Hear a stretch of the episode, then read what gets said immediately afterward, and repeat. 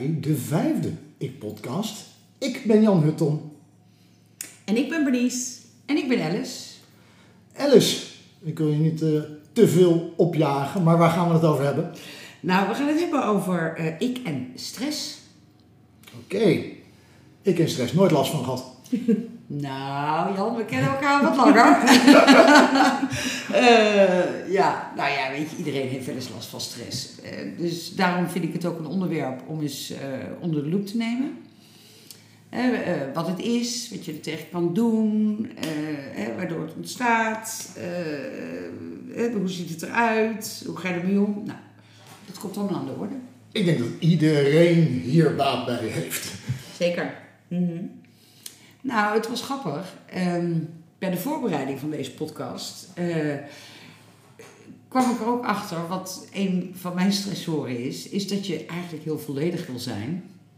En eh, dat levert mij dus een soort van eh, spanning op, die je nog wel kunt opheffen, want dat is een kwestie van voorbereiden. Maar het is wel grappig, het was een actueel onderwerp om, om onder de loep te nemen.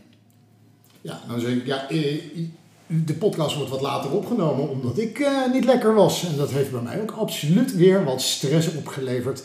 Ja, stress, ja, wat, wat, is, wat zijn eigenlijk de oorzaken van, van stress? Of tenminste, dat- Nou, als je kijkt, er zijn, er zijn een aantal, nou, er is een top 5.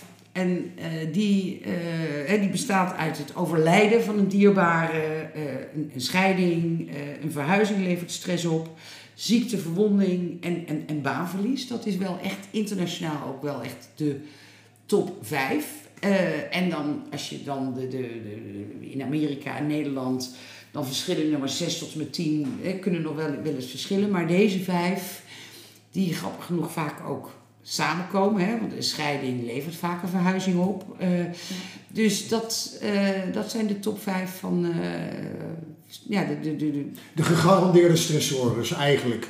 Ja. Ik, dus ik kan me er zo een stuk of vijf bij verzinnen waar ik stress van krijg, die er niet bij staan. Zoals dat zijn, Jan. Nou, dus ik denk eh, dat eh, je, je kinderen kunnen stress opleveren. Eh, tenminste, niet zozeer de kinderen zelf, maar wel hun situatie. Ja. Of het kijken daarnaar. Ik kan me niet voorstellen dat financiën niet in de top 5 staat. Staat ook in- absoluut in de top 10. Top 10 zeker. Ehm, ja, kijk, en dus kan je dat denk ik, eh, nou, eh, ziekte. ehm, Ja, Ja. staat erin. ja, dat zei je. Ja, Ja, en, en het, het, de grap is, als je gaat kijken naar de definitie van wat is stress, hè, dat als je in een bepaalde situatie de druk en je eigen resources, als die uit balans zijn, als die, dan ontstaat er stress. En dat is dus precies, als je, wat jij noemt, je kinderen, ehm, ja, je kunt ze niet alles voorkomen. Hè? De pijntjes, eh, pesterijtjes, een onvoldoende. eh, en als je dus niet de resources hebt van kan ik dat wegnemen, dan kun je stress krijgen. Ik, ik wil echt even.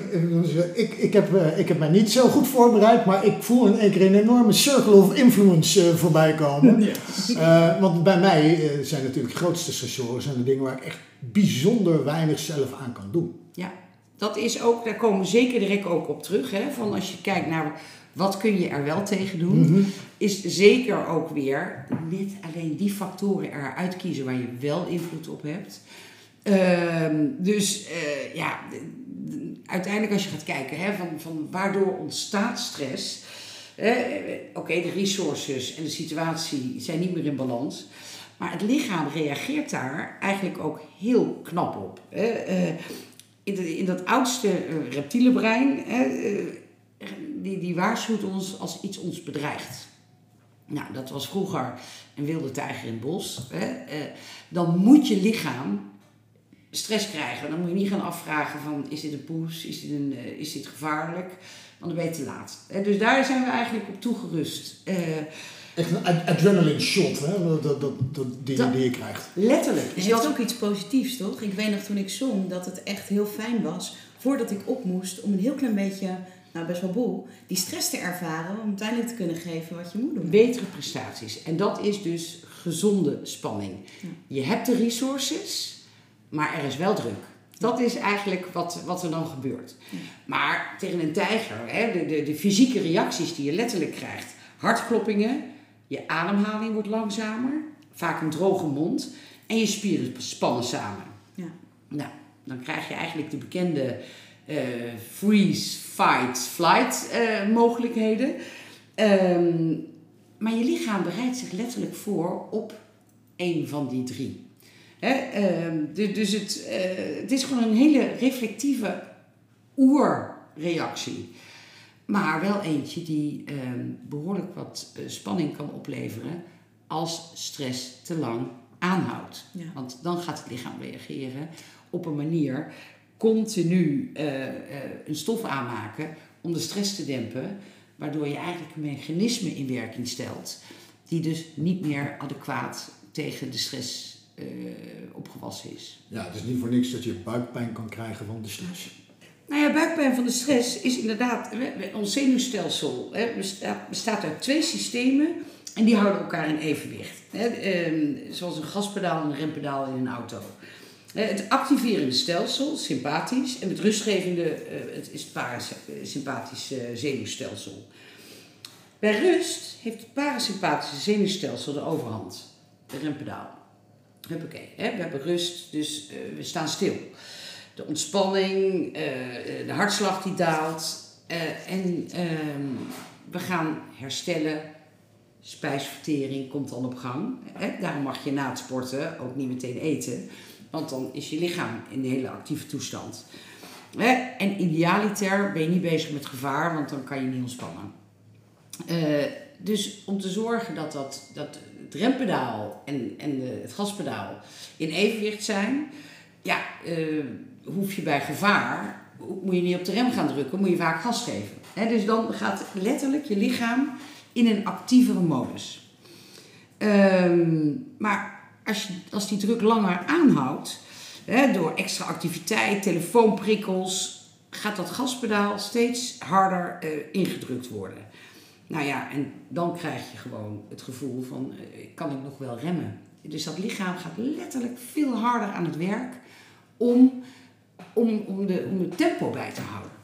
Oké, dus nog meer stimulansjes tijdens stress levert eigenlijk nog meer stress op. Ja, Een van de redenen dus om die telefoon uit te zetten op het moment dat je toch al gespannen bent. exact.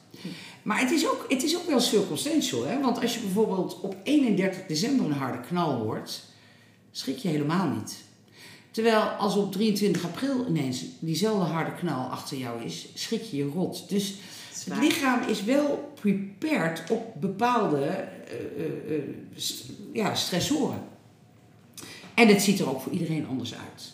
Wat bij de een een deadline heel veel stress kan opleveren, is voor de ander de enige manier om te presteren. Ja. Dus dat, dat is eigenlijk wel een gouden regel van, daar komen we direct ook over te spreken nog. Iedereen heeft andere copingstrategieën. Hè, van hoe ga ik om met stress? En, eh, en wat voor soorten stress zijn er? Wat ik bijvoorbeeld heb ervaren toen ik vier keer in één jaar ben verhuisd, dat ik op dat moment geen stress voelde, maar dat kwam bij mij pas daarna. Ja. Dus op de een of andere manier was mijn lichaam op dat moment in de doelstand. Ja, En dat ik achteraf dacht, oh serieus, dit heeft het gedaan. best wel heftig. Ja. Goed, heel nuttig hè, want het heeft heel weinig zin als je daadwerkelijk fysiek moet verhuizen. Dat je met hartkloppingen en hoofdpijn en buikpijn en eh, eh, in een hoek gaat zitten, want je moet eventjes aan de bak. Ja. Maar op het moment dat de rust dan wederkeert, denkt jouw lichaam, oh, en nou, nou pak ik je. En wat als stress te lang aanduurt, te lang duurt? Nou, dat is, eh, dat is het, 9 van de 10 ziekten worden uiteindelijk, hebben we ergens een terugslag te vinden in een vorm van stress. Dus stress die te lang aanduurt of aanhoudt, is absoluut ongezond voor je lichaam. En hè, eh, als je gewoon kijkt, eh, eh, het kan zijn op, gedragsmatig, eh, maar ook lichamelijk of psychologisch, burn-out klachten, concentratieproblemen, fysieke reacties, hoofdpijn, buikpijn, vergetenachtigheid, ook een hele eh, belangrijke indicator. Eh, meer fout op je werk, besluiteloosheid, emotionele problemen, seksuele problemen, slaapproblemen, hyperventilatie. Nou, het, het is stress, lang aanhoudende stress is gewoon heel ongezond. Ja. Klinkt een beetje als de overgang. Ja, ja, dat is... Dat, ja. Ja, dat lijkt mij ook, ja. Jan. nou, ja, dat is, maar wat gebeurt er in de overgang? Dat is eigenlijk, dat lichaam is best wel ingenieus. In de overgang verandert je hele hormonale stelsel. En moet je daaraan wennen. En nou ja, met alle van klachten, klachten van dien. Ja. Maar daar gaan we het een andere keer over Ja. hebben. Kan Oh, dat trouwens is één podcast waar ik in ieder geval waarschijnlijk heel erg weinig ga zeggen, kan ik je vertellen.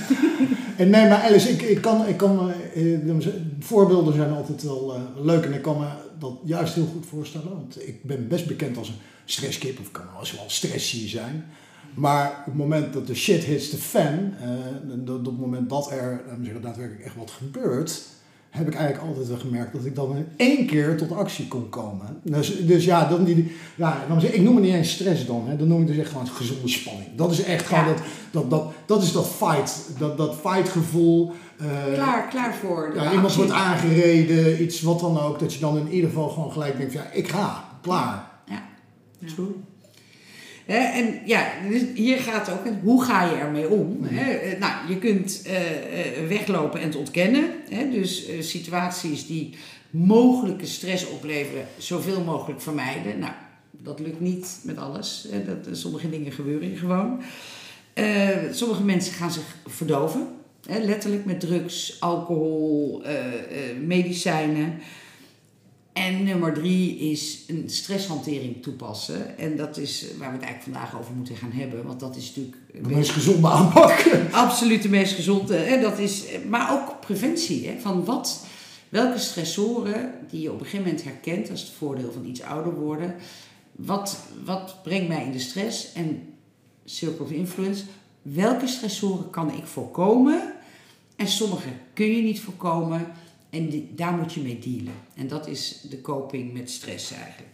Maar sporten, meditatie, nou, we gaan het direct eh, absoluut over een aantal eh, eh, hanteringsmechanismen hebben. Maar ehm, dat is een gezondere manier om te dealen met stress. Hoe zit het eigenlijk met stress op je werk? Ik bedoel, deadline, pas ik wel in de groep? Of hoe, hoe voel ik me eigenlijk? Heb ik het naar mijn zin? Krijg ik geen stress van de druk? Nou, een hele goede, want uiteindelijk eh, heel veel stress wordt ook veroorzaakt eh, op werk. Kijk naar de, kijk naar de cijfers van burn-out. Eh, dat is natuurlijk een hele harde interventie die eh, eh, echt niet alleen door werk komt. Het is vaak het samenspel van eh, privé en werk. Maar wat, wat dan heel belangrijk is, en daar begint eigenlijk al een stukje stresshantering en preventie. Als je erachter bent wat de oorzaak is van de stress. Hè, en werk geeft mij stress, hoor je wel eens. Ja, dat is natuurlijk niet waar. Want diezelfde baan geeft iemand anders geen stress. Ja. Dus het is altijd een combinatie van een stukje persoonlijkheid. Hè. Iemand bijvoorbeeld die heel perfectionistisch is, ehm, die zal veel sneller een hoge mate van stress ervaren bij eh, het hebben van kort, hele eh, korte deadlines. Want iemand die perfectionistisch is, die is eigenlijk nooit helemaal klaar. En iemand die een, eh, gewoon een andere persoonlijkheid heeft, die zegt, joh, 80-20, het is goed, hè, 80% eh, I'm good. Ja. Die heeft helemaal geen last. Die denkt, het is goed genoeg. Ja. Hè, dus de samenhang met perfectionisme bijvoorbeeld, eh, die, die is heel hoog. Dus karakter speelt natuurlijk ook een rol. Persoonlijkheid, zeker. Eh, de behoefte aan controle. Als je een ongelooflijke behoefte hebt aan controle en eigenlijk weinig influence hebt, hè, daar komt hij weer, ehm, dan levert dat stress op. Want dan gebeuren er een aantal zaken buiten jouw macht, hè, met een hele dominante baas, een micromanager, waardoor jij eigenlijk minder controle hebt. Eh, nou, dat is een mogelijke stressor. Eh, overbelasting. Ja. Echt te veel werk. Hè. Nou ja, we zitten op het moment best in een eh, periode waarin veel eh, bedrijven personeelstekorten hebben. Kijk maar in de horeca. Hè. Ik bedoel, personeel heeft echt gemiddeld wat meer stress. Korter lontje, want ze, ze zijn overbelast uiteindelijk. Ehm, Nou, eigenaren stoppen, omdat ze gewoon denken, joh, het is, het is wel klaar, dit, dit, dit, dit soort werkzaamheden Ja, bizar. ja. eh, levert mij gewoon te veel stress op. Slapeloze nachten, eh, hè, eerst niet open kunnen Ja. en nu wel open kunnen, maar niet kunnen leveren. Ja. Eh, nou, nog een factor die heel belangrijk is, is uiteindelijk heb je eh, ondersteuning van je omgeving in je werk. Hè, de, de collega's, weet je, als er gelachen kan worden of dat je baas eh, echt ook aan je vraagt, geïnteresseerd van hé, hey, hoe is dat gegaan en met de operatie in linkerteen vorige week. Ehm, dat helpt met, het, met de werkbeleving. Ja, maar dan denk ik ook wel juist dat je het hebt over eh, die externe stressoren, hè, die, die in ieder geval eh, eigenlijk toch wat minder stressorend zijn, of tenminste die minder stress opleveren. Eh, een, een, een baas die eh, directief is, eh, die eh, dan dan ruled by Excel sheet en eh, met deadlines, ja, kan natuurlijk een hele andere, hele andere sfeer creëren en, en daardoor ook eigenlijk, eigenlijk een hele zieke werkcultuur creëren. Absoluut. En dan nog kan diezelfde baas bij de ene collega heel veel stress opleveren, omdat hij meer handelingsvrijheid nodig heeft en meer controle en vrijheid dan iemand die heel prima gewoon gemicromanaged wordt. En die zegt, ik wil een duidelijke instructie, ik wil gewoon, eh, vandaag deze stapel moet van links naar rechts. En als je dat gedaan hebt, heb je je werk goed gedaan. Dus Je er- kan dus eigenlijk niet al direct zeggen, ja, en dus doet die persoon het verkeerd en die levert stress op. Het zit altijd wel bij jou. Ja, waarom wordt de ene collega wel ziek en de ander niet? En de grap is, of, of nee, de, niet de grap, de, de, de, de crux is eigenlijk. En, en ik weet op een gegeven moment, hè, dat stressprofiel wat, wat wij wel afnemen, Mhm. daar kun je ook echt aangeven van hoe zie ik mezelf? Heb ik veel, eh, heb ik veel handelingsvrijheid en heb ik dat nodig? Eh, eh, heb ik genoeg, eh, ehm, eh, stel ik hoge eisen aan mezelf? En hoe verhoudt zich dat tot werk? En dan krijg je echt een prachtige ja, een grafiek van dit zijn voor jou mogelijke stressoren op je werk. En dan kan je kijken, heb ik daar invloed op? Eigenlijk zou ik zo'n profiel gewoon moeten delen met mijn baas.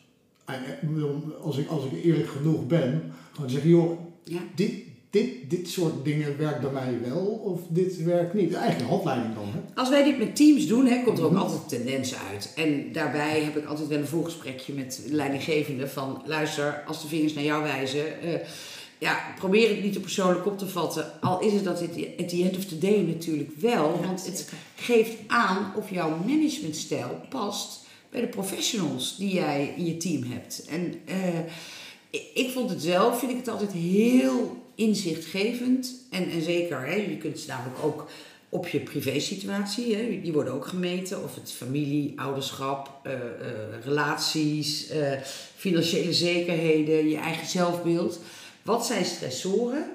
Maar nog veel beter is, welke coping past daarbij? Hè? Hoe ga je ermee om? Dat is uiteindelijk eh, de enige richting waar, waar, waar, waar je kan zeggen, eh, hoe, hoeveel last heb je ervan? Wordt, ja, sorry, allebei, maar ik, ik, ik, ga, er, ik ga erin springen. Ja, eh, wordt er niet eigenlijk gewoon altijd te laat ingesprongen als het gaat om stress?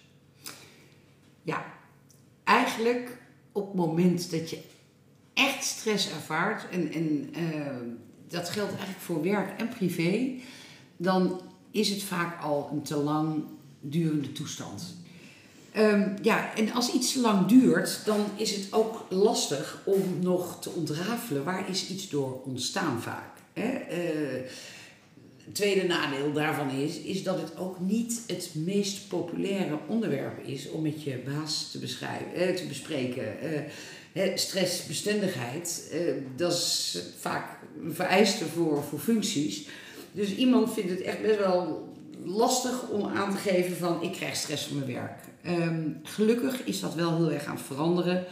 En dat, daarbij helpen ook echt de, de burn-out cijfers. Eh, als je bedenkt wat het een werkgever kost als een van je werknemers eh, burn-out, gaan we het vast ook nog wel een keer over hebben, eh, raakt met eh, reïntegratie, eh, de batterij weer opladen, dan kan je als goed werkgever ook maar beter stress zelf bespreekbaar maken. Ja. Dat is eigenlijk het belangrijkste. Het te checken van hoe gaan mijn verschillende teamleden of mijn organisatie, hoe gaan die om met stress, en dat is niet alleen wat jij op iemands bureau neerlegt, maar dat gaat ook met wat gebeurt er thuis met eh, een werknemer. Heeft iemand net een, een, een tweeling gekregen en slaapt niet, eh, dan is een overbelasting op je werk al snel te veel. Ik zat net ook te denken, want ik ben heel, altijd heel erg oplossingsgericht. Ik denk, ja, wat kun je nou doen ehm, om dit te voorkomen? Dat je stress hebt van je werk. Hoe kan jouw werkgever jou daarbij helpen? Ja. En ik denk precies wat jij zegt. Dat dat de eerste stap is. Door erover te praten. Ja, maar dan krijg je weer van welk moment is daar geschikt voor? Is dat als je al met eh, hartkloppingen en, en rode vlekken in je nek eh, achter je bureau gaat zitten? Of als je eigenlijk een bepaalde, eh, noem het dan maar arousal voelt. Het begint wel met ehm, jezelf, en dat, dat hoort ook bij professionalisering, hè, jezelf goed kennen. Hè? Dus als je de oorzaak kunt gaan onderzoeken, als, je, als je weet, wat is het nou, welk aspect bezorgt mij nou stress? En eh, hè, nou Jan, we hebben het daar best vaak over gehad. Hè? Eh, en als je elkaar dan goed kent, dan weet je dat bepaalde eh, zaken, eh, ja, die legt die niet bij iemand neer, als je dat, dat al weet. Hè? Maar voor je, eh, daar, daar, dat vraagt communicatie. Dus als je de oorzaak gaat onderzoeken, op welke dagen heb ik nou stress? Sommige mensen hebben stress als ze een eh, debiteurenlijst moeten afbellen bijvoorbeeld. Nou, als je dat dus bij iemand anders kan neerleggen, omdat dat, die daar namelijk helemaal geen stress voor krijgt, die denkt, eh, nou, eh, dat is prima, dan ben je als werkgever denk ik al goed bezig om te kijken. eh, ja, moet je dan wel op een debiteurenadministratie zitten? Of kan dat naar iemand anders?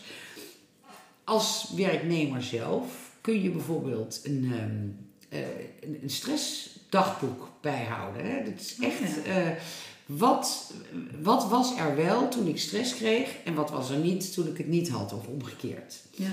Ehm, ook in een van de vorige podcasts beluisteren, het 4G-model. Ja. Wat doe ik in een bepaalde situatie? Welke gedachten, welk gedrag ga ik dan vertonen?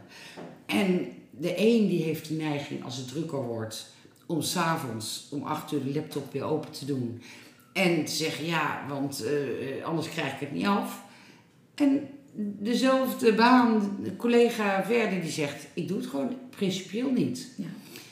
En ik, ja, ik denk ook wel, eh, ik denk wel dat, dat, er, dat mensen wel de tools gegeven moeten worden. Hè? Want eh, vroeger had je de, de, de functioneringsgesprekken, hè, Mhm. waarbij eh, een dergelijk onderdeel wel aan bod zou kunnen komen. Ja, nu heb je die niet al, heb je die volgens mij niet eens. Maar ja, zo'n gesprek leverde al stress op. Hè? Zeker. Op, op deze dag dient u aan te, op te draven en gaan we het hebben over uw functioneren. Nou, lekker, dank je. Ja. Eh, voor mensen zoals mij zou dat niet prettig zijn. Eh, maar tegelijkertijd, ja, wat je zegt, wanneer praat ik hier nou over? Nou ja, dat, kijk, de communicatie erover, het opengooien van. En daarin, en gelukkig leven we wel echt in een andere tijd dan, dan 15, 20 jaar geleden. Hè, weten we precies wat, we, wat ons stress opleverde, maar je kon er niet omheen, dus je had het maar mee te doen. Eh, maar wat, wat wel gaat, hè, als je de oorzaak hebt eh, onderzocht van wat, wat levert bij mij stress op, dan kan je vervolgens kijken, kan ik mijn resources vergroten? Hè? Dat is dan toch wel weer die circle of control. Hè? Eh, ehm, en eh, kan ik stressoren wegnemen? Als werkgever is dat belangrijk. Maar ook als werknemer kan je zeggen van...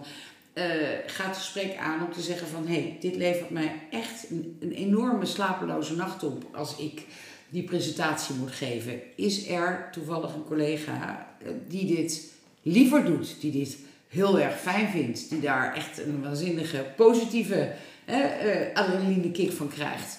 Dan ben je wel bezig met ehm, eh, je resources eh, eh, goed toe te passen als werkgever. Maar ook door stressoren weg te nemen bij, bij je werknemers. Ja, en ook bij krapte op de arbeidsmarkt is het natuurlijk ook wel fijn als je mensen anders kan inzetten en, en, en echt, op, echt op de dingen neer kan zetten. Ehm, een van de woorden die bij mij in één keer opkomt, en wil jij me zeggen of dat wel of niet hier iets mee te maken heeft, work-life balance.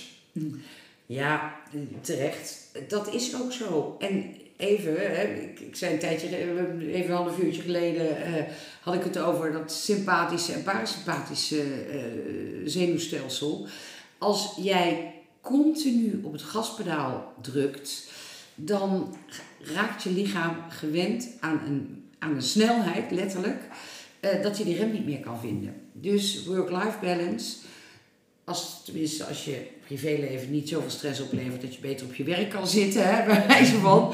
Maar daar moet de rust komen, daar moet de balans komen. Daar, en dat is uh, super belangrijk. En ja, ik denk ook, zeker met de huidige arbeidsmarkt, er komt ook een generatie aan die die work-life balance echt ook heel belangrijk vindt. En terecht.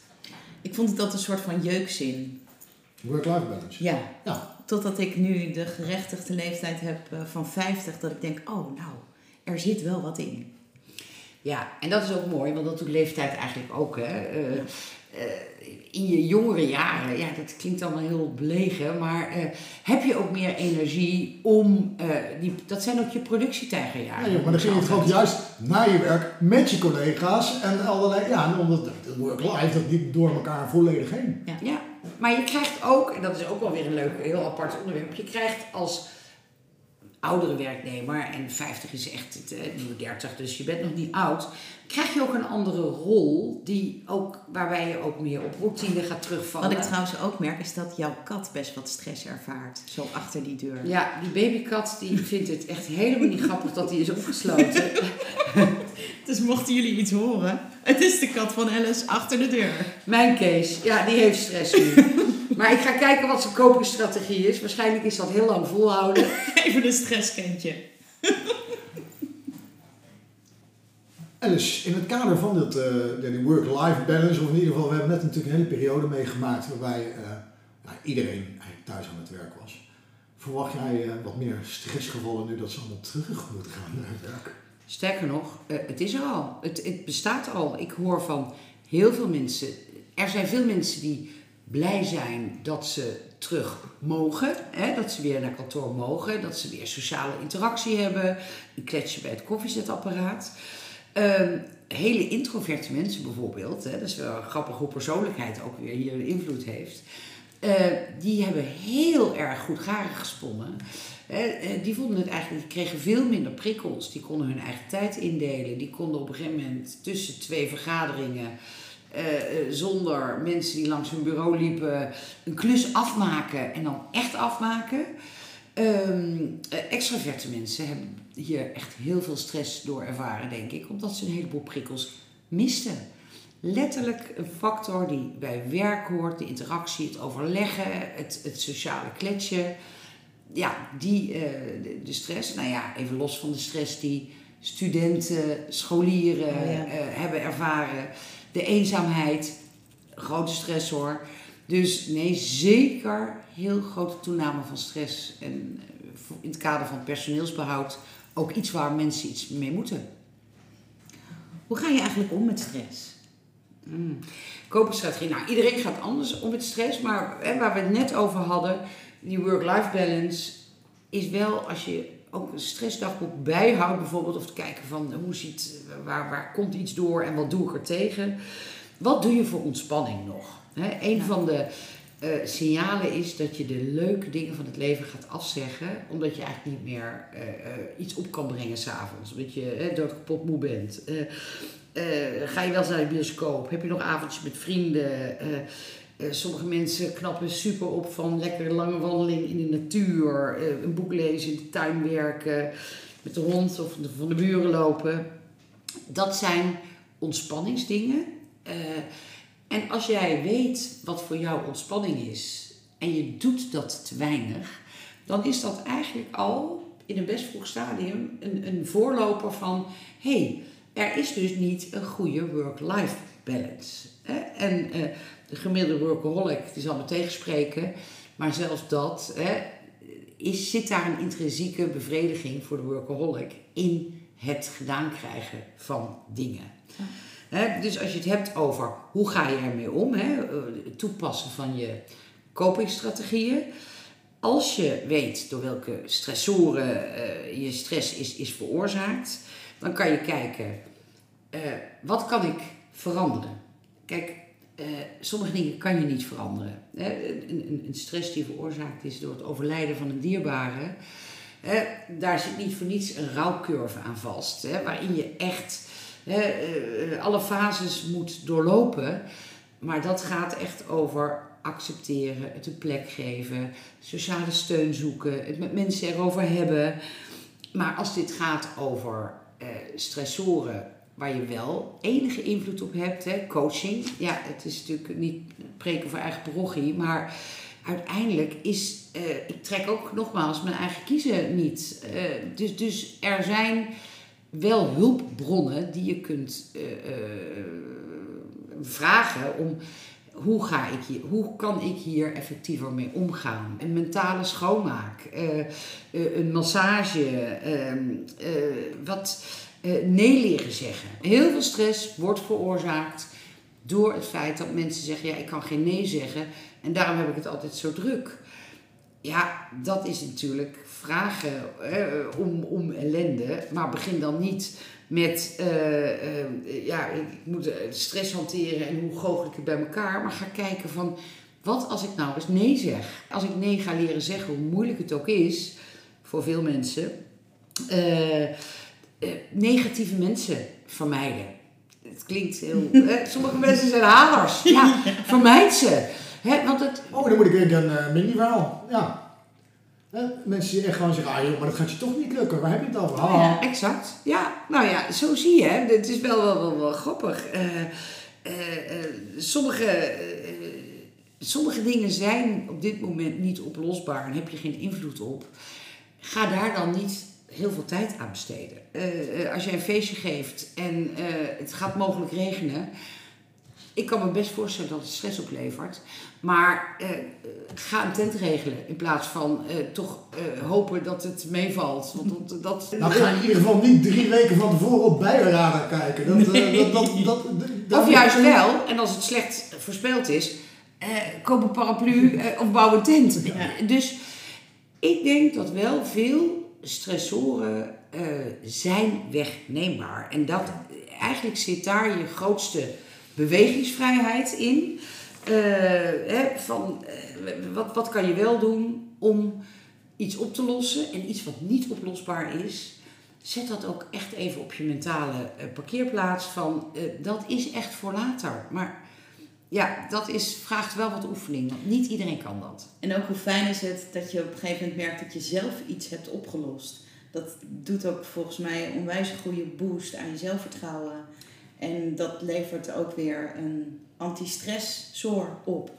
Nou, grappig, dit is precies eh, eigenlijk eh, als je leert dat dingen beïnvloedbaar zijn, dan is dat voor de volgende keer een absolute input voor hé, hey, maar vorige keer heb ik dat gedaan en toen heb ik het op kunnen lossen. Dus eh, zeker werkt dat. Nou, Alice, je, je weet, ik ben niet zo'n eh, zwevert. Tenminste, ik ben best lastig mee. Maar, eh, maar ik zal er ook een meegeven. Eh, leer ontspannen. Mm. Leer ontspannen. Eh, dat ja, zelfs ik luister naar een bandje om te ontspannen. Hm. Omdat zelfs een half uurtje ontspanning op een dag kan je weer opladen en kan er weer voor zorgen dat je minder stress hebt. Eigen tip, hè? Grappig. Nou, dat, dat is eigenlijk wel misschien direct wel een goede, goede afsluiter. Als je nou echt bijvoorbeeld iets heel spannends te doen hebt. Hè? eh, eh, je hebt een sollicitatiegesprek of je hebt een eerste date. Of, hè, eh, nou, ik kan me zo spannend. voorstellen dat dat heel spannend Ja. is. Als je kijkt hoe ontspant iemand. De ene kan dat heel goed door meditatie, de ander door muziek, de ander een luisterboek, eh, eh, eh, geleide meditatie. Kijk eens even, hoe zitten mijn schouders erbij? Is mijn gezicht in, in, in een kramp? Op het moment dat je je daarop focust, dan focus je namelijk al niet meer op het feit dat je dat gesprek in moet. Kijk eens naar je ademhaling. Ga eens bewust rechtop zitten en, en haal eens wat dieper adem. Want hoe hoger je ademhaalt, hè, ik bedoel, nou, dat, dat, dat levert altijd al eh, voor je lichaam ook, ook spanning op. Ehm, eh, luister eens naar een ongelooflijke lekker muziekje. eh, Een podcast. een podcast. Hè? Eh, en ga ook, of, ga- en dat vind ik voor veel situaties, mm, vind ik altijd wel een lekkere. Haal eens een moment terug waarbij je echt je in, in je superpower voelde. Hè? En dat kan zijn, voor de ene is dat het afronden van de marathon van New York. De ander was het, eh, ik heb eindelijk die offerte afgeschreven en die is geaccepteerd. De ander was een dijk van de presentatie. Haal dat moment terug. En je voelt meteen andere energie door je lichaam stromen. Eh, en dat is eigenlijk het- zo- zo'n game changer. Hoe kom ik een kamer binnen? Ja. dat, eh, Ja, dat, is- dat werkt Geluks, geluksmomenten. ja, Absoluut. echt geluksmomenten. En de grap is, je ziet ook, ik bedoel, terwijl ik het zit te vertellen, eh, dan komt er eigenlijk een andere grijns eh, naar boven. Bij ons allemaal, want iedereen denkt nu, of tenminste, ik denk nu gewoon een, een leuk moment. Ja. Ja. Dat is, dat is Ik, cool. zie, ik zie die ook lachen, ja. Maar het lichaam, en dat, ik blijf gefascineerd, is, zit zo ingenieus in elkaar. Ja. Je hebt er dus, en dat vind ik eigenlijk misschien wel de belangrijkste boodschap van, van deze podcast. Je hebt er gewoon invloed op, want je hersenen geloven alles wat jij ze vertelt. Dus op het moment dat jij iets heel spannends vindt, eh, ja, dan gaat je lichaam aan. En eh, zo is het ook afgestemd. En op het moment dat jij denkt, eh, het is niet spannend, hè, Pippi Langkous-Slachten. Ik vind het wel spannend, maar ik denk wel dat ik het kan, want ik heb het nog nooit gedaan. Dan zit er al een andere lading op. En ik zou niet zeggen, echte stressoren, waar je geen invloed op hebt, de factoren, de, top 5. Hè, eh, scheidingen, overlijden, eh, ziekte. Dat zijn absolute stressoren en daar, kan je, daar moet je ook hulp eh, bij vragen. En, dat is ook belangrijk. Maar sommige dingen, en, en in onze maatschappij, hele ten dagen, we worden wel echt een hele dag geprikkeld. Hè? eh, het gesprek ADHD, het, het, het is van alle dag. Maar dat heeft ook te maken met, my god, wat krijgen we? Prikkels en wat moet dat lichaam veel meer dan eh, tien jaar geleden gewoon verwerken heel de dag. Ja. Dus work-life balance, rust, wat zijn je stressoren, onderzoeken. Kan ik iets doen aan de oorzaak? Hulp vragen. En eh, eh, ja, kijk eens wat voor jou ontspanning is. Dat, is, dat zijn eigenlijk de, de, de, de belangrijkste takeaways.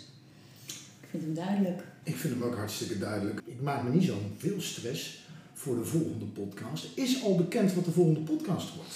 Ja, ik, eh, ik heb erover na zitten denken en ik denk dat dat kwetsbaarheid wordt. Kwetsbaarheid. Ik en kwetsbaar. Ehm, wil jij graag je mening achterlaten over deze podcast? Dat kun je in ieder geval bij Apple Podcasts doen en ook bij Podmio tegenwoordig. Heb je vragen? Stel ze bij ik.vpsolutions.nl En we behandelen ze volgende podcast, misschien de podcast daarna. Neem even contact met je op. Dus, Alice, dankjewel. Vond het weer leuk. ik ook. Ah, Bernice, eh, dankjewel. Nou, Ja, ik, dankjewel. ik heb in ieder geval eh, minder stress. Nou, kijk, voel me helemaal lekker. zen. Ja. Tot de volgende keer. Tot de volgende keer. Doei.